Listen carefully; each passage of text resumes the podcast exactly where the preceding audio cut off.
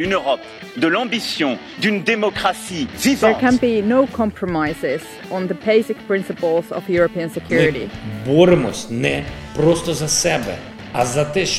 The story of how we went from centuries of war to creating these unprecedented continental democracies. Evropska četrt, četrt. United we stand divided we fall.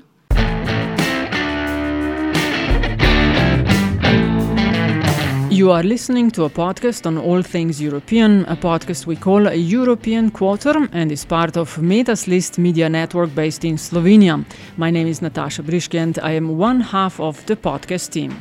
and I am Aljaž Pengov Bitenc and comprise the other half of the team. You'll find this podcast at metinalista.si, your favorite podcast streaming service and or podcast streaming app, and a fresh episode will be in your inbox as soon as it is available. Julia Jaroschewski, Journalists Without Borders, member of uh, Global Diplomacy Lab. Um, thank you for joining us uh, at the European Quarter podcast. So uh, you you're here at Bled for, um, among other things, for um, the panel "The Politics of Content: A Battle for Narratives." Uh, we're gonna talk a bit about that, but we would like to start with you since uh, I've read your biography and you've done so many interesting things in your career. Could you walk us through a bit um, which continents all have you been working on and the projects and the topics? Normally, if there wouldn't have been a pandemic, um, I work as a freelance foreign correspondent um, and as an investigative reporter. Uh, and most of the time, I do have my base in Rio de Janeiro in Brazil, um, but I work uh, across South America. Sometimes uh, I do work in Southern Africa and, and India as well. Um, I'm a political scientist as well, so this is my academical background. Um, uh, I founded with a colleague of mine the Buzzing Cities uh, Lab think tank, where we actually work on um, urban development and uh, the impact of technology on, let's say, slums or favelas in Brazil. Mhm. Uh, fun times for someone uh, working as an investigative journalist. Fun times. well, um, I'd say you always have work. I don't know if you want to relate to a certain country, a certain time, a certain pandemic we have been going on. If I look into the, the session we just had, of course, we have a huge um, um, battle of narratives and content going on. And yeah, this is uh, quite difficult to tackle, I'd say. When we use, you know, high flying phrases like battle for narratives or uh, um, spin or misinformation, I mean, many people see different or, or rather picture these things rather differently. Uh, for example, I mean, just to be totally relativistic, one person's spin is another person's truth, or one person's uh, um, misinformation is an, another person's uh, the only objective account. Um, have we, uh, and I'm asking maybe on the heels of all the other interviews we've done with Nataša today here in uh, these couple of days on Bled Strategic Forum, it seems that we cannot really pin down what misinformation is. Can you help us? Well, so we have disinformation and misinformation. So disinformation is something where you uh, put really fake, false information into the public where you want to harm others intentionally.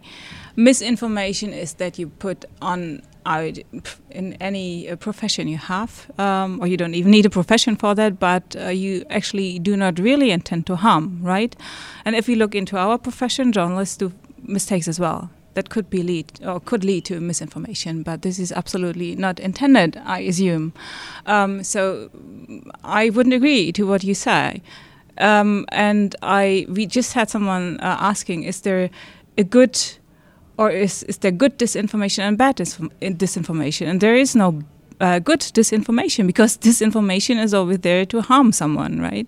When you try to create narrative, must we always apply principles that the three of us maybe know, like journalism principles, when you create public policy, for example. I mean, aren't the two somewhat uh, in opposition to one another? Public policy and journalism? Yeah, I, I mean, you know, um, let's give a crude example pandemic. Uh, there's a scientific consensus that vaccination works. But there's also uh, a journalistic consensus that it is ethically to report on on um, vaccine side effects. Now, from a public policy view, some politicians might be uh, tempted to think that uh, I mean, information on the side effects might counteract the initial public need to vaccinate as widely as possible.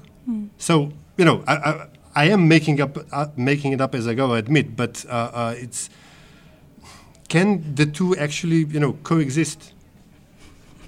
They always coexist, I'd say, because um, uh, politicians and politics actually, you know, it has to be communicated. Um, and there is always a certain goal and an aim. And the question is is something illegal or is it legal? So, yeah, so we have to somehow break it up, what you're saying, right? So, um, we have the basics of something is, is according to the laws, um, which is necessary, then um, you can communicate it in either way. Um, so does it coexist? I have to try to find back your question, what you were Sorry. asking me. Um, to report on side effects, of course. Um, uh, yeah, I think this is a necessity as well, um, as well as to report correctly on, on the positive effects we certainly had, and then to refer on scientific um, studies we also have. So why don't we use both of them? Um, the the challenge I think is to uh, be a really strong professional journalist in this way to not put opinion into that, but to really refer to the scientific things because the pandemic had, s- you know, had caused so many. Um, yeah, I mean, it's not a civil war, right? But wars of opinions in every country actually around the world. Um, so yeah, there is an ethic, and we have a really moral responsibility as journalists to to um, report on that correctly. As you mentioned at the beginning, um, you do a lot of work in South uh, America, in Brazil. Uh, there are elections on the horizon in a month. Uh, and you have a lot of experience when it comes to harmful content online and following uh, Bolsonaro government. Now, um, his factory of lies uh, brought him to be the president first time around. Uh, how does he do it, and his team, and what can we learn from it? Mm. Yeah, so Bolsonaro is a is a hard case, let's say. Um, of course, when he uh, prepared to be a candidate, and actually that was a long time strategy. Um, but when it got into the public sphere, um, he was very open about being able to copy Donald Trump and his methods and his strategies, um, and to, in this case, also, for example, not rely on on established mainstream professional media, um, how you may label it. Uh, and he said, "I don't need it because they do lie." Right? He he was he, he was not um, trying to hide his um, antipathy for for journalists, right? So he wanted to use all the social media channels, and he did it quite effectively. Um, he has three sons being in politics as well, and they, of course, supported him, um, all being in different areas, being in different states, um, young. Uh, uh, uh, yeah, supportive men, uh, uh, digital natives. Um, so he, they actually build up uh, connections to Steve Bannon as well, to the alt right in the United States. So he was quite well prepared for all of this. And then there was, I mean, he was attacked, right? And he decided to not go uh, on television. As I don't know if you have that here in Slovenia as well, um, the, the presidential debates beforehand, if you have elections. We do, yes. So um, he said, I'm not going to attend. And people actually said, okay, he, he lies in the, in the hospital, right? So there might be a reason for him not to go. Um, but he interesting, interestingly could do a lot of interviews um, lying in, in bed at home and in the hospital. So they there were pictures of his little studio in his living room or in the bed, right, uh, with with his sons, and he could address everything to the people, right, directly, as you said. Um, and this, of course, to be contextualized in a country um, where you have huge cleavages um, of, of poor and rich people, um, and people are very you know they are longing for information and for a change because um, the the government which was uh, uh, ruling beforehand, uh, of course, was corrupt as well. So Brazil is a very corrupt country in the political sphere, and everyone knows that. So people were looking for a change, um, but he was able to really uh, reach so many different uh, groups of, of, of the population. Um, and with the help of social media, with just what media. Donald Trump did and what Modi in India does. Uh, exactly. I, I, believe that Modi said, "I don't need traditional media; I have social media." Exactly, that's the same narrative. It's, and they're copying each other and they are supporting each other, right? Um, and what Bolsonaro also did is to uh, put like um, he bought factories and trolls to send messages and, and really disinformation, uh, false information, and people believed it. You know, um, Brazilians are really eager to be online. They use a lot of videos, they use a lot of social media streaming, which is easy to consume. You don't need to read a lot, right? You just see people speaking, you hear them. There are voice messages and this is you know if a family member sends you something like this you believe it. And uh, i went into the whole groups uh, during that time and i got really hundreds of messages. And it actually blocked my phone because it was so many.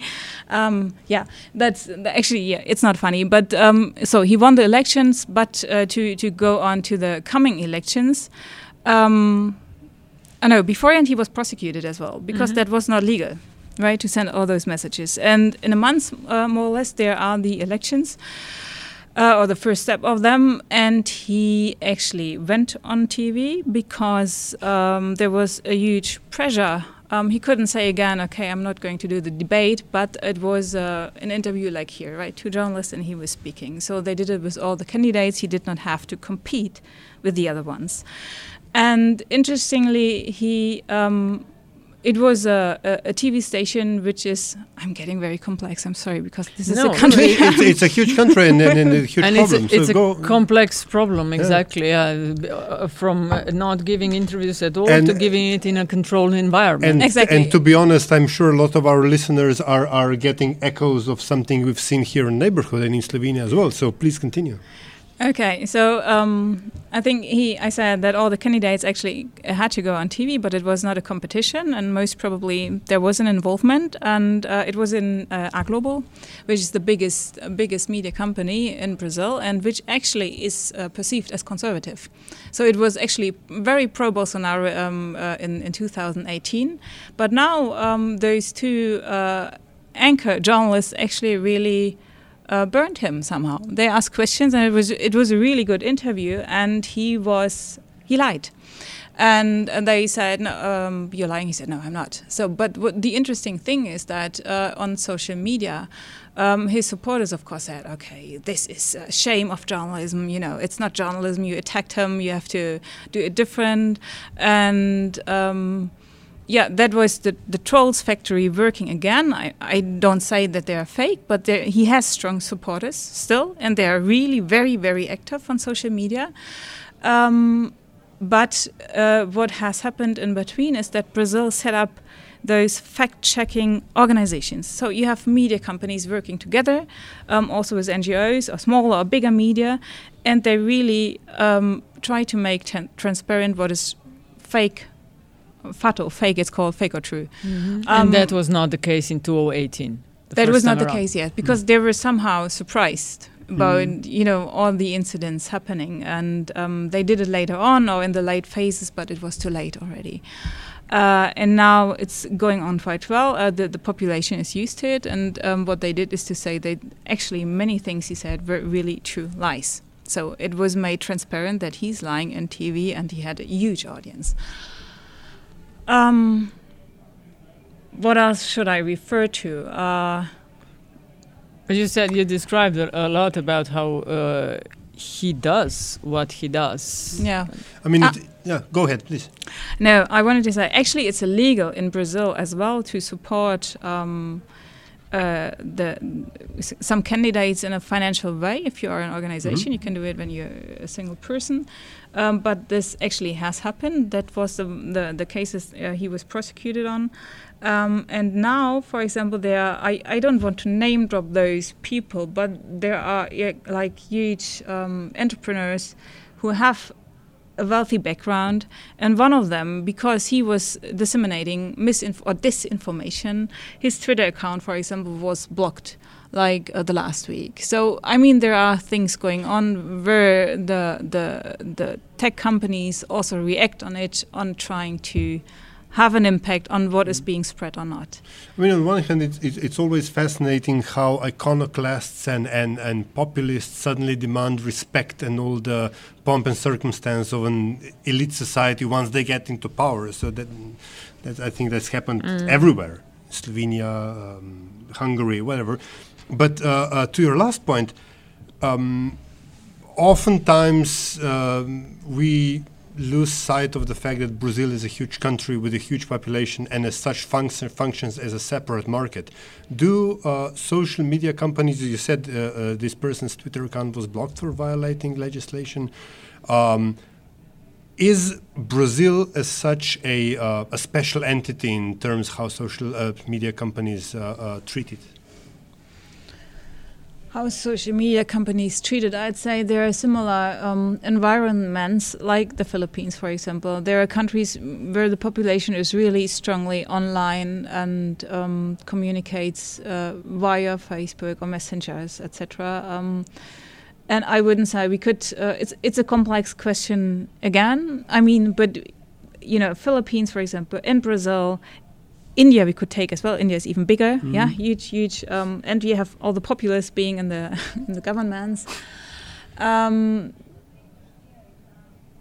there is no. We just spoke about it. There is no real global legislation going on to tackle the problem, right? We have the DSA here in Europe, um, in Germany we have the NetzDG, where the the, the big tech companies actually uh, have to act now if mm-hmm. there is uh, disinformation online.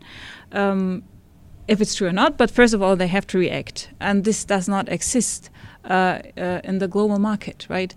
Um, so the question is how to solve the issue. Because if you took, for example, the Digital Service Act um, as a sample for an international um, regulation, uh, then the there is the the fear that they would eclectically maybe take out what serves them but there is no jurisdictional um, follow up, mm. for example. So um, if if you look to to the populist governments, and there are the disseminators of the disinformation, and they try to control that. Right? There must be another entity trying to control them. So this is the more or less the point I'm trying to, to mm. find here. Uh, let's go to, to another populist government. You mentioned Philippines. Yeah. Uh, so you described uh, the issue uh, or the case of uh, Brazil and Bolsonaro.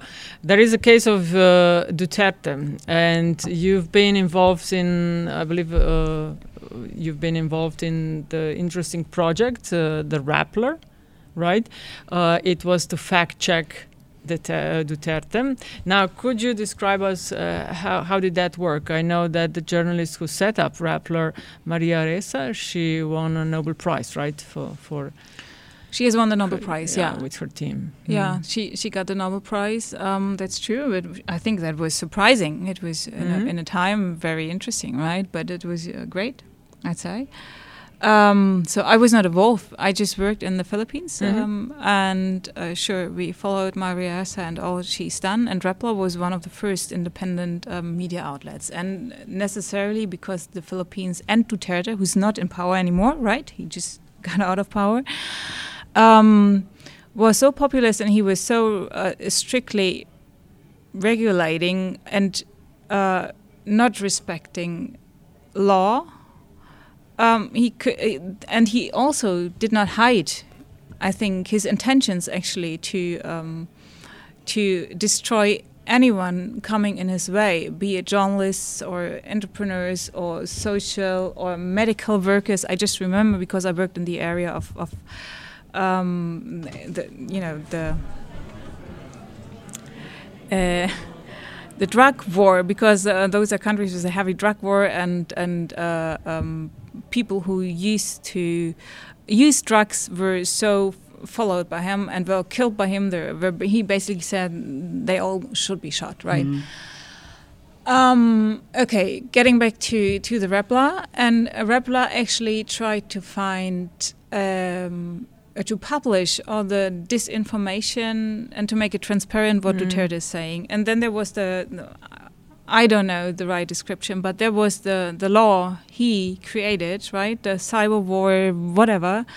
Um, and, and, he could say that Maria Ressa actually um, did a criminal act, criminal act regarding this criminal, you have to look it up, um, thing. And she's in prison, right, because of that um, which is quite shocking that the whole international community, and not only being journalists but being politicians as well, and conservative politi- uh, politicians, um, uh, reacted on that case to say this is so arbitrary that there is a certain uh, populist president has the power to put someone in prison without any reason, or let's say because someone tried to make um, illegal actions transparent. I remember when I was, you know, younger, uh, there were uh, cases that Amnesty International would would then uh, organize letter writing campaigns for this imprisoned journalist or that imprisoned journalist, and then for a while it seemed that you know the, the heavenly manna has descended, uh, freedom of press is here, Berlin Wall has fallen, all is great, and now again we have more and more cases. Journalists are being imprisoned, killed, tortured, etc. Um, are we losing this sense of, of, of, of press freedom, or was it never there in the first place? Was it never there in the first place? That is an interesting question. I would ask you as well. I would like to know your opinion. um, also, looking at your country, because here some uh, uh, situation changed as well, right? Um, in the political sphere, I'd say that would be interesting for me to know, though. Um, like to hear later on. So, um, well, I don't know. Uh, there have been always countries um, where it was really difficult to work as a journalist. Let's look to Mexico. Let's look to South America. People are killed. Um, uh, very often, even in Africa, right? And we don't look to that place because there's kind of a blind sphere for us, right? But journalists are really in danger in Africa. So I worked in Guinea-Bissau like the last year, and it's a very small country. It's more or less actually the size of Slovenia. It's two million people, and um, journalists earn really bad. And it's uh, if you are in favor of the recent president, then you might work quite well. But if the situation changes, then you're out forever in this job. So, um, is it is it possible to work as a journalist in such an environment? Is the question. Difficult, right? Very difficult if you don't have the the, the laws uh, to be the abiding laws. Anyway, so the press freedom has it never existed? Um, well, I think it does exist, and you always have to look to the regions and the people being involved. Um, what makes it, of course, more difficult is what we have spoken about um, from the beginning: is that you have direct channels for everyone. It doesn't matter what profession or what background he or she has um, to uh, to put on put out your opinion into the world, right? And um, so this is not a competition to journalism, I'd say, and this is not a competition to, to press freedom, but um, in our job and in the public, not opinion, I lost the word now, but uh, then you, you, somehow have to, to to manage to navigate through all of the information being being around. I don't know if this was the question. Yeah, but, but more or less was. I mean, it's it's uh, the point. The point being is that even if uh, I presume to assume what you were trying to say. Um, is that uh, again the, the thing that's recurring in our in our interviews is that once we take something for granted, when we stop protecting it, when we stop def uh, defending and fighting for it, it slips out of our hands, usually grabbed by populists for their own nefarious means. Mm. So you are saying working uh, as an investigative reporter in, in different continents in uh, sort of dangerous environment also for journalists. Have you ever been like pr prosecuted in your line of work, uh, being in a dangerous situation because of what you do?